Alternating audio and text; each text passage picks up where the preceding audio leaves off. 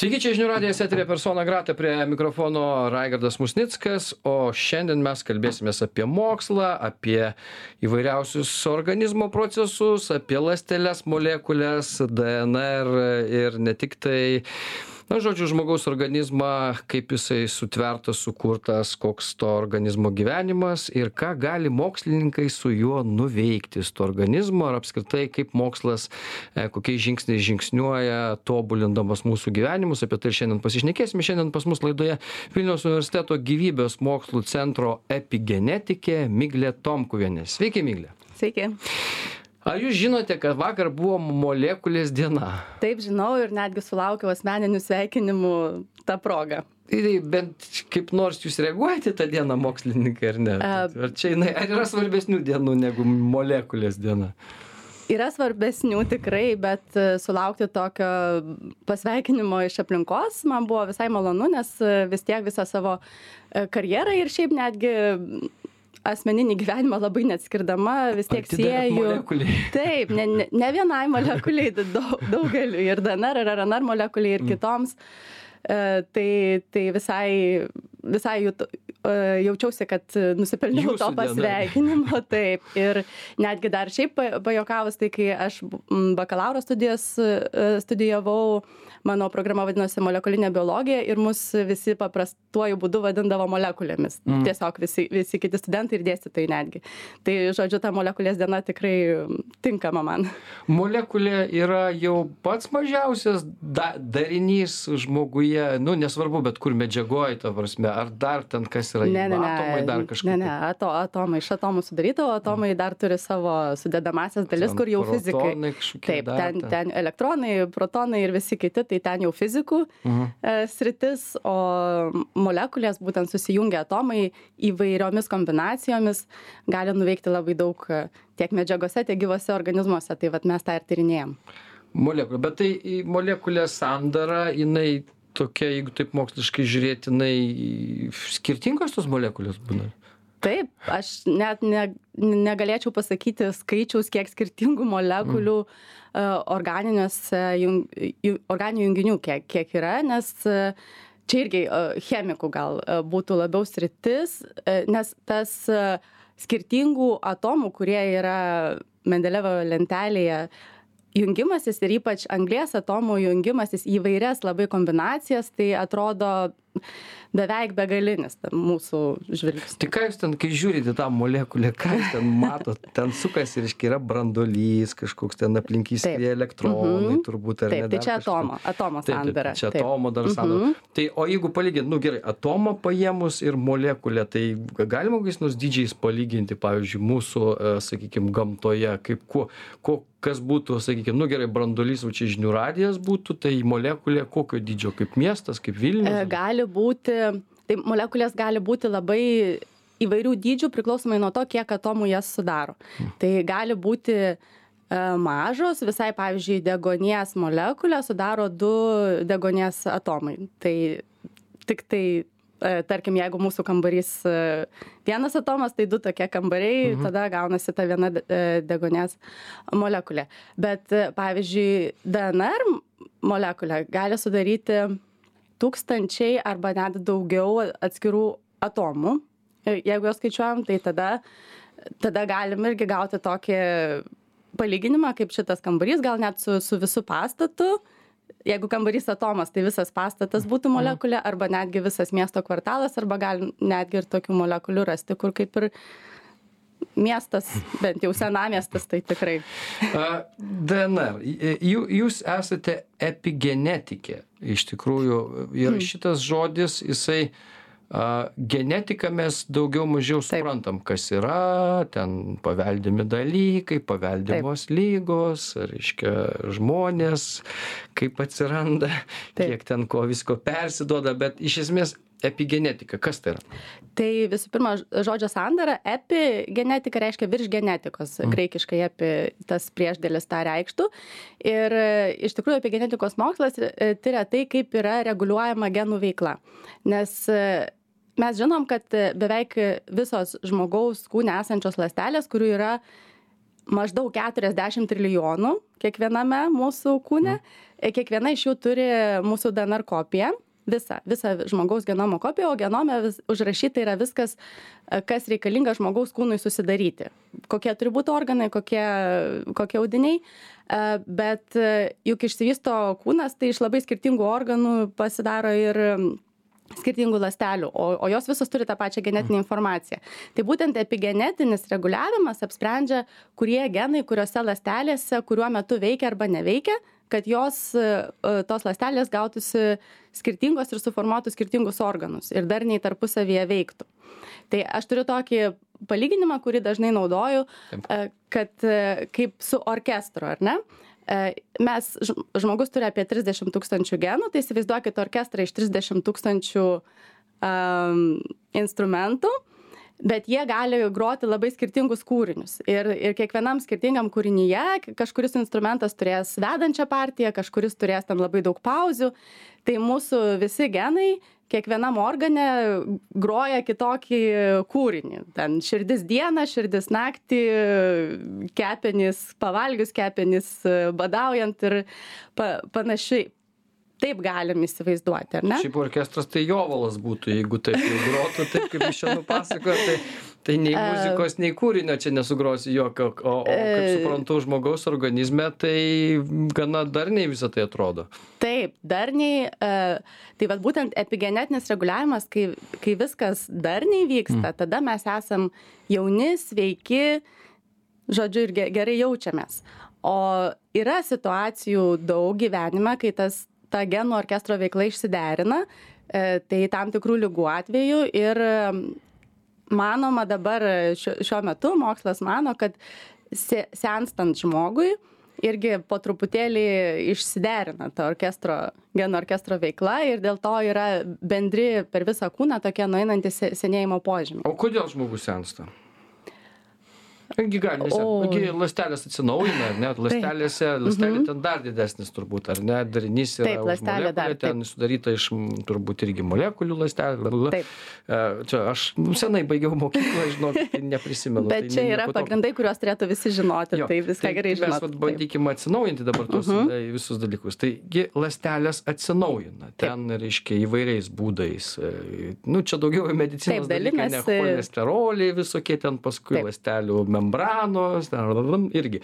Tai va tai tai vadinasi iš principo jeigu daiktas atsinaujina nuolat tai jis turėtų tiesiog nu sena ląstelė ten reiškia išnyko atėjo kita nauja šviežia graži ir žmogus turėtų iš principo nesenti niekada taip taip. jūs kalbat panašiai kaip ir kai kurie labai optimistai mokslininkai arba tokie dar biohekeriai vadinami dabar mąsto kad mes kada nors prieisim kažkokias terapijas ar ar gydymus ar vaistus kurie leis mum vat taip ir gyventi vis atsinaujinant atsinaujinant ir em žodžiu ne ne visai nemirtingi būtumėm bet bet Tai ką, ne visai, visai reikia būti nemirtingi. Ne, tai turim atskirti du dalykus, kur yra tiesiog senėjimas ir kur yra mirštamumas nuo infekcinių lygų, tokių mm. ūminių dalykų arba nu, nelaimingų, taip, nelaimingų atsitikimų. Tai,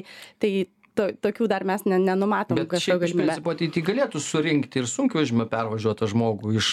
iš, iš Mokslinė lastelį. fantastika viską gali ir, ir tikrai mes nežinom, kaip ten po kokių 300 metų, ką, ką medikai ir mokslininkai kalbės, mes dabar galim kalbėti apie tai, kokias dabar perspektyvas matom. E, tai kodėl negali atsinaujinti be galo tos lastelės, nes kaip ir viskas mūsų aplinkoje, daiktai irgi juk naudoja, naudoja, naudoja, jie a, apsitrina, žodžiu, Um, Nu, kaip čia genda, lūžta. Stalas nevalgo, jisai nenaudoja Taip, energijos. teisingai, labai pas- nepraryja, ten neįsisavina Taip. visų tų ten chloro, ko ten filų, šmilų ir, tai, Mhm. ir kitų dalykų. O, sa, o šaltinis, kuris duoda atsinaujinti, jisgi, kad baterija danguje šviečia Taip. nuolatos. Taip, tai, saulės tai procesai energija. galėtų vykti Mhm. visą laiką. Tai kaip čia taip? A, vis tiek mūsų ląstelės nuolat patiria ir blogą poveikį iš aplinkos. A, Ką valgom, kas, ar ten miegam, nemiegam, ar oro tarša nuolat atakuoja mūsų ląsteles ir viską gadina, taip jeigu mhm. stipriai išsireiškiant. E, mūsų DNR nuolat patiria e, iš aplinkos tiek, pavyzdžiui, ultravioletinę šviesą, tiek e, iš maisto ateinančius tam arba netgi lastelės viduje, kai vyksta reakcijos, kartais pasigamina E, medžiagų, kurios e, chemiškai atakuoja DNR ir ją gadina, paprastai tariant, pažaidos DNR atsiranda ir nuolat ląsteliai reikia jas taisyti.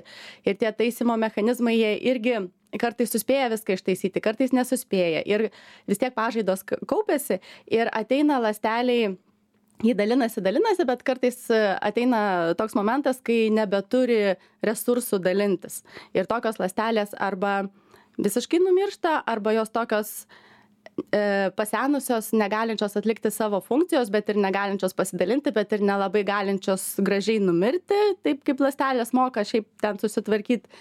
E, kabo tokios senos. Ir tai, tai viena iš senėjimo priežasčių, nes e, susikaupia per daug pažaidų DNR, susikaupia per daug pažaidų mūsų organizmo baltymuose e, ir įvairiose kitose sistemose, mitochondrijose, kurios energiją e, gamina ir tiesiog tas atsinaujimo procesas nebe taip gražiai vyksta. Bet kokiu atveju žmonės anksčiau gyveno trumpiau. Ir, ir, o dabar taip. gyvena ilgiau ir visokiomis čia pastangomis tas tą gyvenimą prailginam. Tai vat mes dabar padarom pertrauką ir pa, pabandysime pasižiūrėti, kokiomgi pastangomis tas gyvenimas prailginamas, gal galima kokią tabletę sukurti, kuri vis tiek e, nu mes dabar kalbam apie aišku tai kad dievo kūrinys e, žmogus taip sugalvotas yra. Niekas čia taip lengvai neleis mums tą gyvenimą pratęsti bet nu bet jeigu žiūrėsim į pastangas gal pertrauka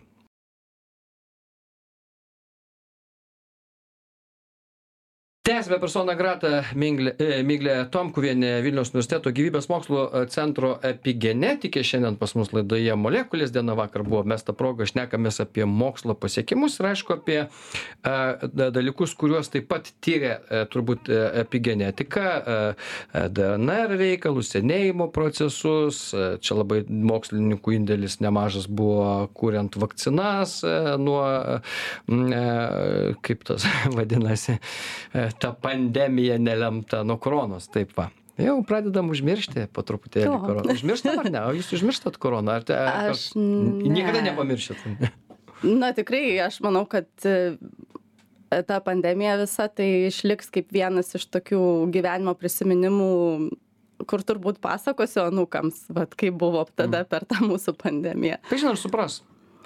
Gali būti, kad bus naujų pandemijų, gal, gal anukai turės iššūkį kovoti su kažkokia nauja ir aišku, aš tada sakysiu, o mes savo laikais tai darėm mm. taip, jiems gal nebus įdomu labai, bet, bet tikrai manau, kad mm, nebus taip, kad nebebus jau dabar pandemijų. Tikrai galim tikėtis vėl, kad... O kiek mes mes 1918 metais, ar ne, mm -hmm. ispaniškas gripas, taip. 50 milijonų žmonių nuvarė į kapus, tai palyginti su, su tais skaičiais, a, koronavirusas ne ne tiek daug aišku nemažai bet vėlgi sakykim ten nuo maliarijos turbūt panašiai numiršta kasmet žmonių kiek mm, kiek numirė nuo pandemijos e, kaip buvo čia. Tai e, vat ta toks jausmas susidaro kad mokslas labai greitai ieško išeičių suranda skiepus ir visa kita skirtingai nuo ten aštuonioliktų metų.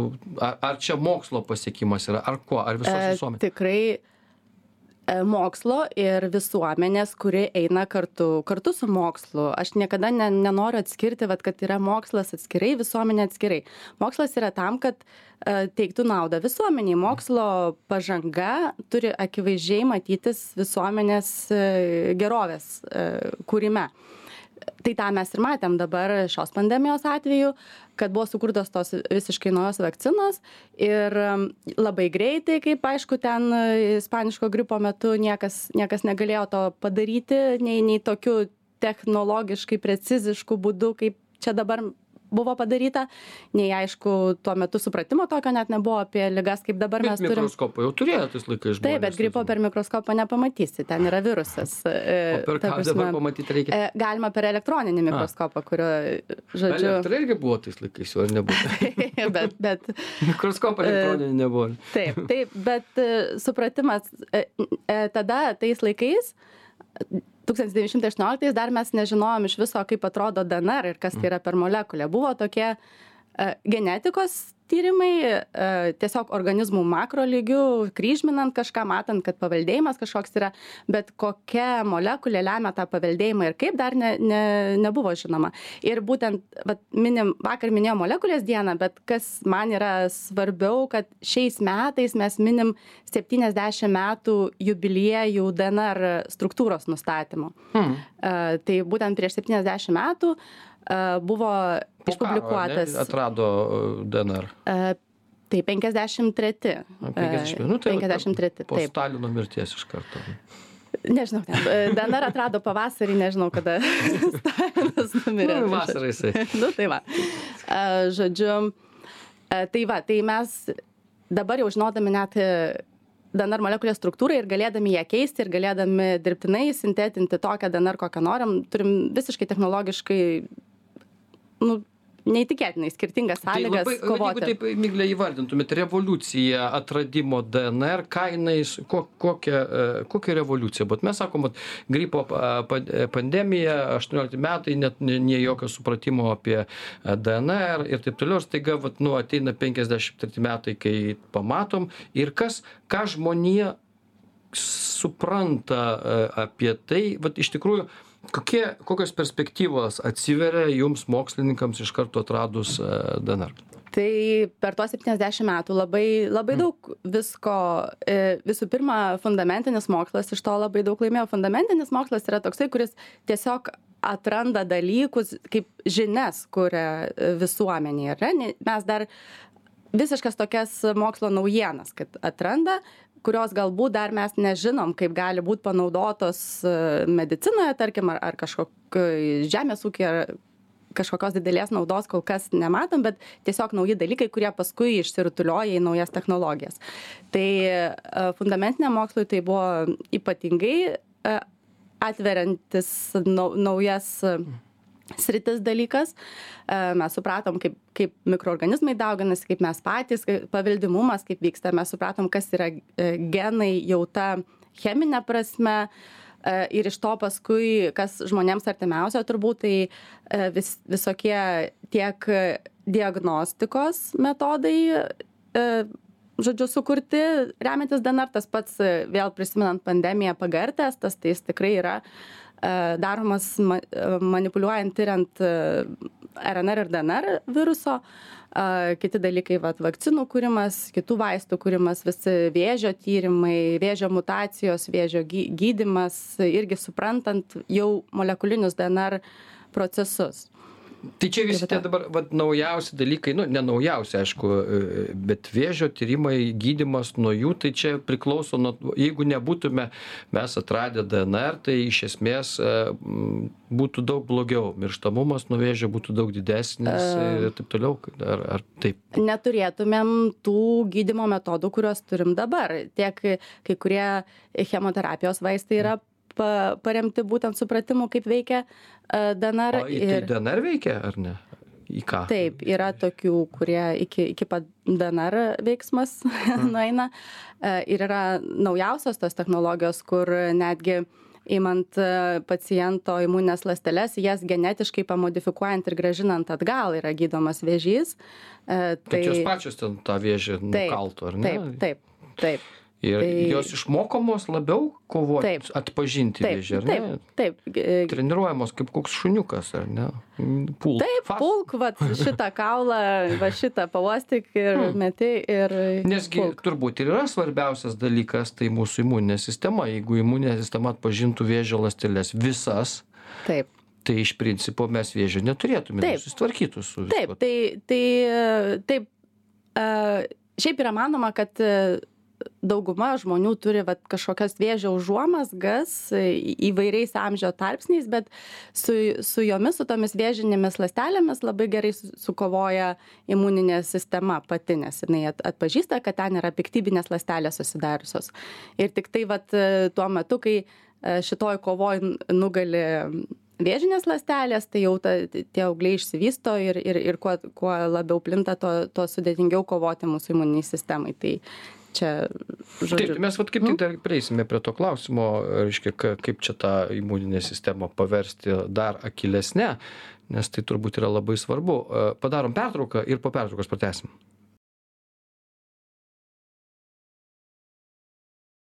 Tęsime persona grata Miglė Tomkuvienė, Vilnius universiteto gyvybės mokslų centro epigenetikė. Šiandien e, pas mus laidoje mes, mes šnekamės apie mokslo pasiekimus, apie imuninę sistemą, apie molekulės, DNR.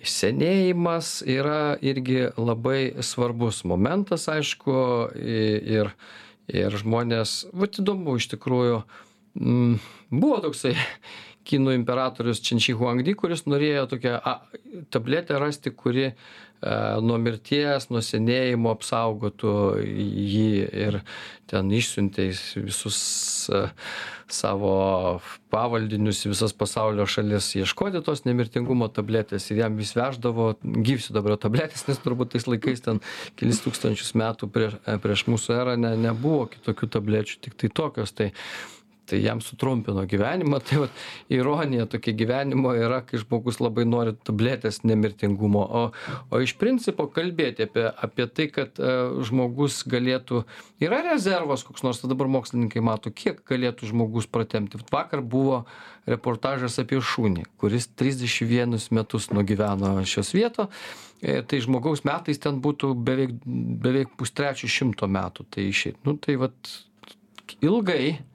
Žmogus tiek gal gyveno, gal mes nežinom, ar nėra tokių žinių.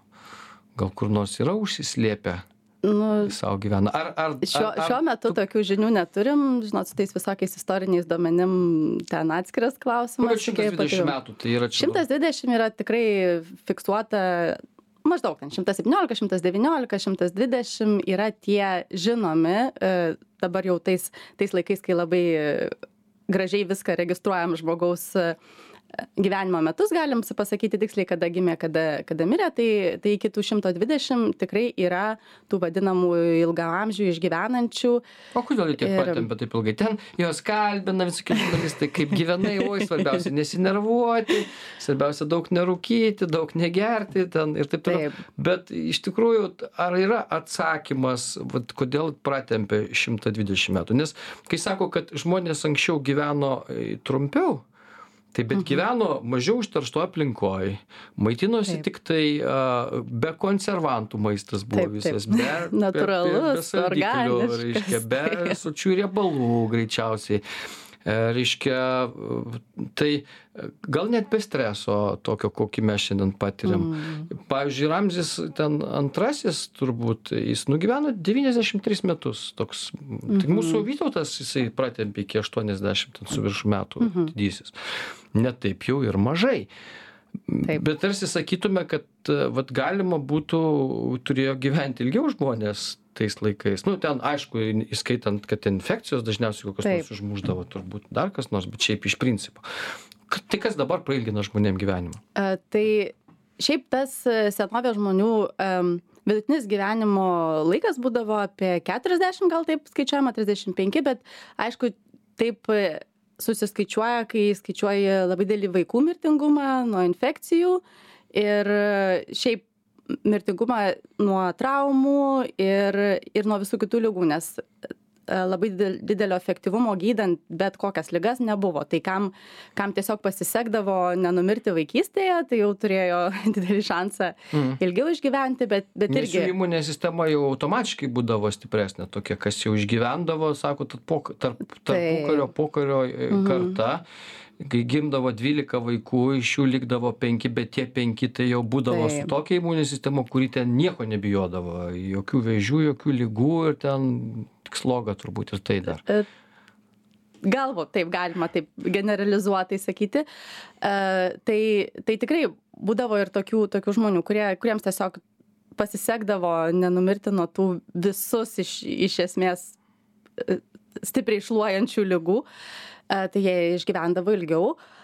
Dabar, kurie išgyvena iki mm, 120, kaip kalbėjom, tai irgi jiems yra turbūt pasisekę gyvenimo eigoje nenumirti dėl Rinkinį gauti gerą Taip. ar ne genetinį. Ir taip, ir labai mokslininkai domisi dabar e, genais šitų ilgamžių, nes mes dabar jau turim tiek supratimo apie DNR, RNR ir kitas molekulės, kad galvotumėm, kad jeigu mes išsiaiškinsim genetinės priežastis, molekulinės, sakykime, dėl ko jie taip ilgai gyvena, tai galėtumėm netgi sugalvoti e, terapijas visiems žmonėms, kurios atkartotų tuos molekulinius efektus, kurie vyksta tuose ilgai gyvenančiose žmonėse, kad visi galėtumėm pasinaudoti tomis molekulėmis, kurios jiems padeda. Švirkštą ilgai. tu susileidai į, į save ir ten jau tie visi procesai pasileido. Ne, nu, aš taip E, paprastai Taip, jo, suprimityvinu.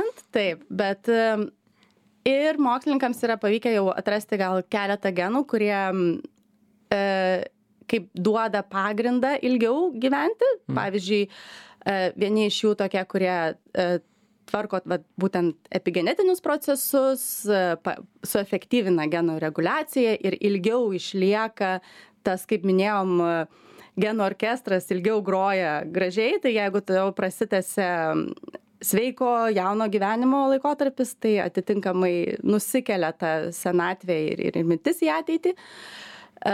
Tai, tai vienas yra. Čia tokie brigadininkai kažkokie, ar ne, genų, Taip. kurie prižiūri. Ojojoj, ten taip, tai genai koduoja baltymus ir tie baltymai yra visokio specializacijos darbininkai mūsų ląstelėse. Tai tikrai turim labai didelės komandas baltymų, kurie e, prižiūri, kad DNR nemutuotų. Nu, žodžiu, jeigu, kaip, kaip minėjau, kad jeigu įvyksta kažkokia pažaida dėl aplinkos poveikio, tai tos DNR klaidos atsirandančios yra taisomos.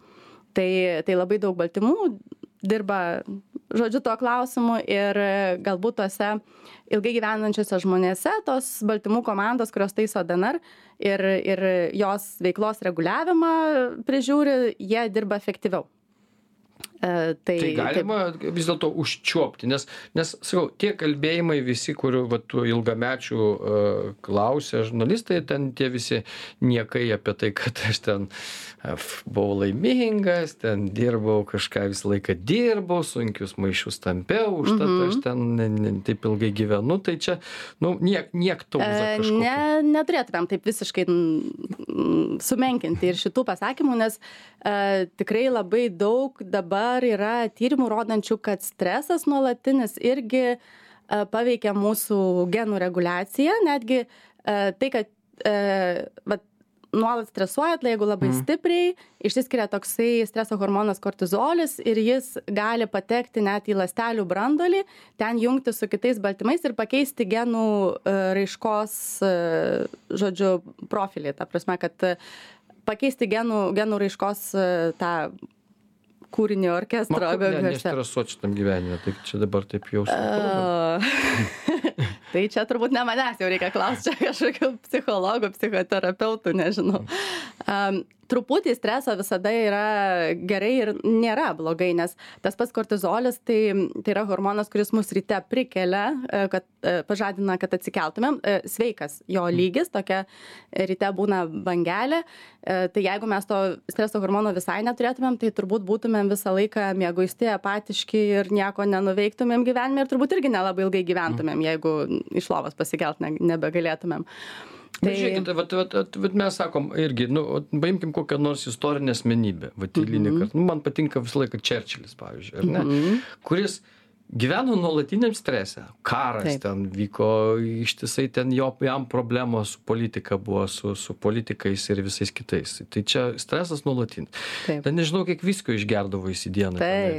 Rūkė mhm. cigarus, mhm. ansvoris nesusvietnas buvo ten, iš esmės mhm. žmogus, nu visiškai ten, jeigu paieškot, turbūt ten diabetą dar surastum greičiausiai. Ir vat, jis 90, ten kiek du metus turbūt nu, nugyveno, tai vat, ir nieko. Vat, nieko jis neįmėjo. Taip, tai, tai čia yra, e, visada mes galim rasti va tokių išsiskiriančių pavyzdžių, išsiskiriančių iš bendros statistikos. Tai tikriausiai negaliu labai, nu kaip, užtikrintai sakyti, bet tikriausiai jau jo genų rinkinys buvo toksai, kuris e, lemia atsparumą va tiems sudėtingiems e, aplinkos ir, ir vidiniams e, poveikiams, kaip, nu, kaip stresui, rūkimui ir taip toliau. Tai tikrai jis turėjo turėti tą išskirtinį genų rinkinį, kuris lėmė ilgamžiškumą. Kaip ir sakiau, Jeigu būtų nerūkęs, negėręs ir dar be ansvario, tai gal jis ten 120 e, metų būtų nugyvenęs. Taip, taip gali, gali būti. Mm. Čia mes, sakau, mes čia diskutuojam vienu pavyzdžiu, e, labai sunku, aišku, dar ir istorinė asmenybė, mes neturim jo genomo, žodžiu, ne, ne, negalim pasižiūrėti dabar tiksliai, kokie tie genai, bet galim daryti tokią prielaidą.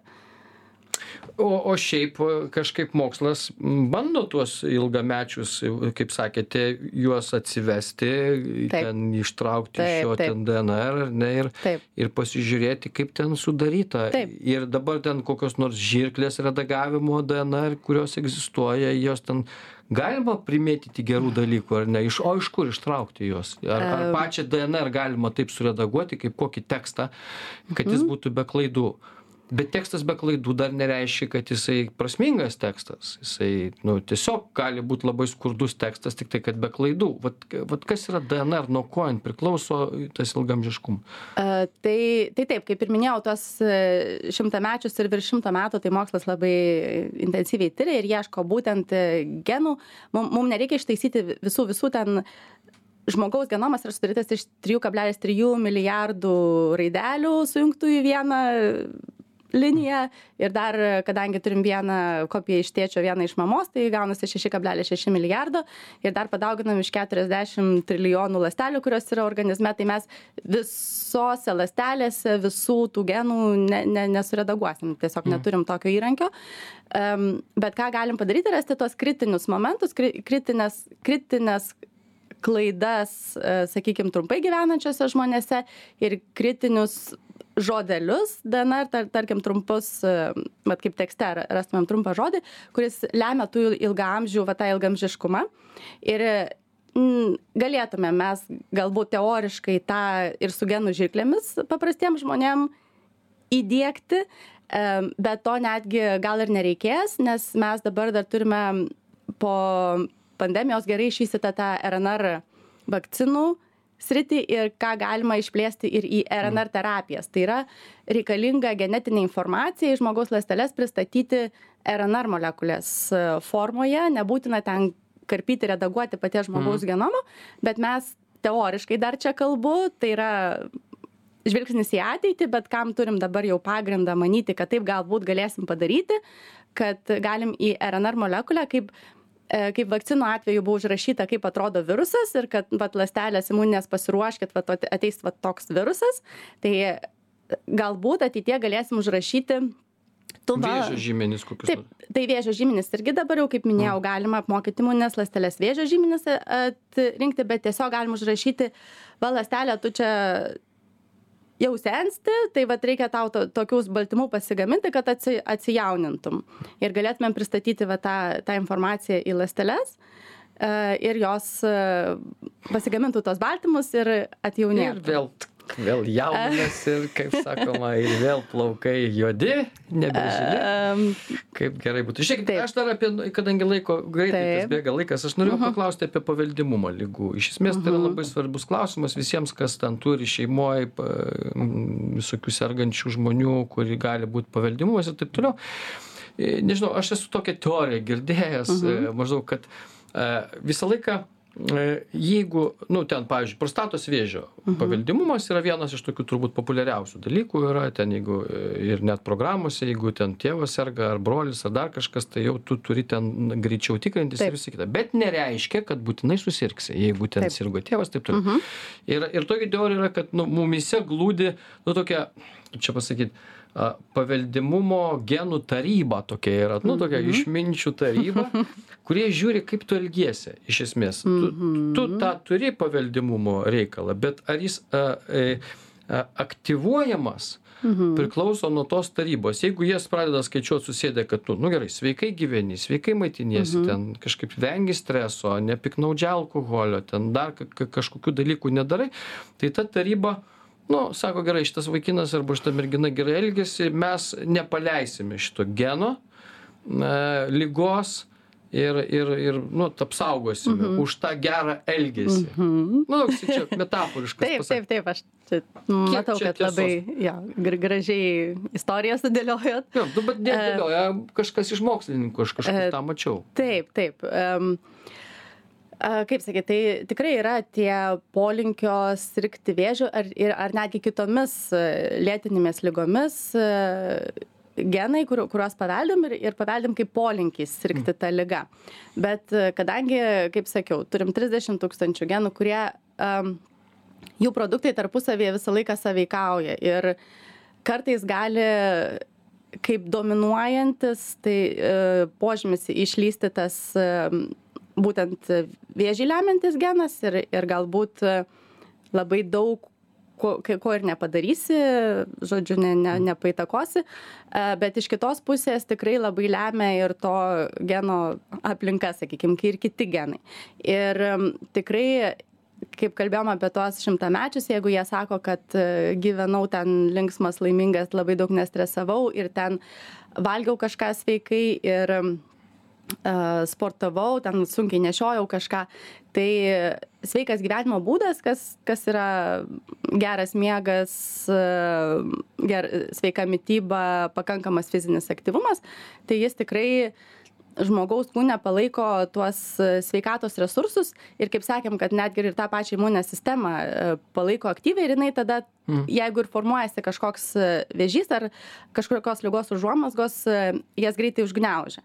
O jeigu mes prie to polinkio į vėžį pridedam dar ir kitaip kankinam savo organizmą, tai jis neturi resursų tą vėžį Nes kitur užgniaužti. dėmesys nukreiptas, Taip, ar ne? Yra, taip. bet, bet, iš, mes, bet juk mes imuninę sistemą gaunam tokią, kokia jinai yra. Mes nu, jos iš principo negalim sustiprinti, turbūt, ar ne? Nu, tokia jinai jau kokia, kokia yra. Taip, bet galim susilpninti. Galim susilpninti. Va Taip. čia yra labai svarbu. Ir ta prasme, todėl, nes kai sakom, kad čia reikia stiprinti savo imuninę sistemą, ten puolam, e, nežinau, kažkokiu daryti ne- nesąmonių visokiausių, Mhm. ten daryti C vitaminą kiekiais didžiausiais, kas nėra labai turbūt gerai, arba ten kokius nors dar papildus, kurie dažniau gali nuvaryti irgi į kapus. Ir čia apie krūvą papildų galima būtų šnekėti atskirai, bet kurie taip ir padaro, nes e, labai daug yra mokslininkų visokių webinarų apie tai, ka- kaip veikia mūsų organizmą tie patys papildai, bet čia jau, sakau, atskira dalis yra, bet, bet iš esmės silpninti tai reiškia žalingi įpročiai. Kas, kas yra silpninimas sis- imuninės E, sistemos? Tai, um, tai būtent tas pats nuolatinis stresas, ar ne? Irgi kažkokie uh, tokios ne iki galo išgydytos lygos, kažkokie lėtiniai uždegimai uh, organizme. Tai nuolat uh, ta imuninė sistema varginama ir tada ji negali kaip pat ir sakė, dėmesį nukreip, nukreipia visą laiką į, į tuos nuolat e, vykstančius kažkokius blogus procesus ir tada neužtenka jos resursų, tarkim, vėžio kažkokio besiformuojančio at- atradimui ir, ir sunaikinimui. A, Labai paprastas pavyzdys būtų tas pats vitaminas D, ar ne? E, Jeigu mums trūksta vitamino D, tai imuniniai sistemai trūksta vat, vat irgi tos molekulės ir jinai negali dirbti visų savo pajėgumu. Tai, tai ką mes galim, žodžiu, turim kažkokią bazinę liniją savo imuninės sistemos, trūksta vitamino D, e- efektyvumas krenta, ką mes galim, galim kaip čia natūraliais būdais gauti tą vitaminą D, galim vat, kaip, gal ir papildus panaudoti, grįžtam, vėl pastiprinam imuninę sistemą, tai yra grįžtam į savo bazinį lygį, jeigu užtenka e, vitamino D. Čia žmonės gyvena 10 tūkstančių metų be vitamino D ir daugiau ir nieko. A, tai kaip e, be, tai jie negyveno, Nu. be papildo gyveno, bet... e, Taip, aš turiu omeny jo, bet visą laiką buvo trūkumas greičiausiai. Greičiausiai pas visus, tik kad niekas netyrė to dalyko. Taip, bet, e, bet jeigu mes turim e, optimalią tą savo imuninės sistemos veiklą, kur, kuri būtų, jeigu pakaktų vitamino D, tai, tai dabar galim, žinodami, kaip viskas tas veikia, ko imuniniai sistemai trūksta, tarkim, jeigu vat pasidarai tyrimą, trūksta vitamino D, tai papildyti ir, ir turėti bent jau vitamino D, kaip čia klausimų, užtektinai veikiančią imuninę sistemą.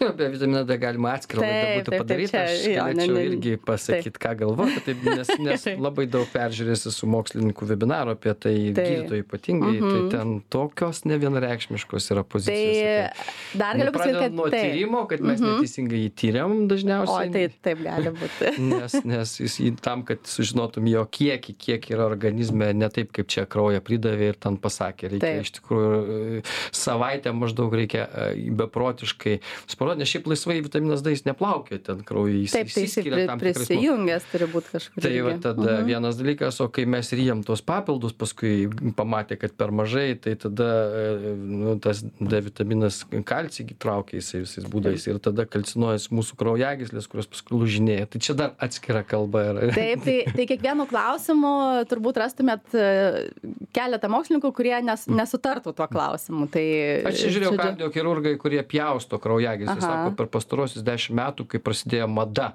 e, Mhm. gerti vitaminą D dideliais kiekiais, kai nu jo trūksta, sako, tai būdavo 10 procentų e, e, mažai elastingų kraujagyslių, o dabar 90 procentų, jie tiesiog žmonės jas pjausto, sako, ten kalcis, vien kalcis kraujagyslės. Tai vad po D vitamino vajaus kraujagyslės 90 procentų nu, tokios yra, kad kaip, kaip vamžiai sukėtė. Tai va tai- čia gali, ir jie sieja su tuo. Čia aš nežinau, kiek aš čia. Gali būti, aš čia ne, ne, nesu ekspertė jau šitoj kraujagyslių e, temai, bet e, ką dar nu- galėčiau pasakyti, tai kad dar ir nuo genetikos priklauso. Vienam žmogui reikia gal daugiau to vitamino D, kitam mažiau. Irgi e, yra tam tikri genai, kurie atsakingi už vitamino D apykaitą ir tas, tą irgi galima personalizuoti. Ki- Kiek tau reikia, ar reikia tau tų papildų, ar nereikia tau tų papildų, ar užtenka tiesiog iš maisto, iš saulės, kiek gauni. Kada, e, Miglė, paskutinis klausimas, liko minutė, e, kada mes vis dėlto su to vėžiu sutvarkysim? Jūsų kaip mokslininkės pat vizija, žiūrint į visus pasiekimus nuo prieš 70 metų atrastos DNR ir mokslo vystimosi, ypač RNR e, vakcinų atradimo, kuris turėjo stumtelti mokslą visą prie vat, kovos, kaip jūs sakote, su, su Taip. viešiniais susirgymais, kitais dalykais. Kaip, kaip manote, vat, kada gali būti toks proveržis, kai iš tikrųjų jau žmonės žiūrės į vėžį kaip į kokį gripą, nežinau. Persirgo, Į okay. gripą tai, tai sunku pasakyti, bet tas proveržys vyksta dabar, aš sakyčiau. Ne, negaliu pasakyti metų į priekį, bet mes dabar turim, va, tas ir, ir vakcinas kuriamas prieš vėžį, ir tas lastelių terapija imuninių. Tai va, vyksta proveržys dabar ir gal, nežinau, po kokių dešimt metų pamatysim, ar jis, kiek jis buvo rezultatyvus. Tai va svarbiausia dabar ateinančius dešimt metų nepakliūti po sunkvežimį. Dėkui Jums, Miglė Tomkuvienė, Vilniaus universiteto gyvybės mokslų centro epigenetikė. Ačiū, kad atvykote.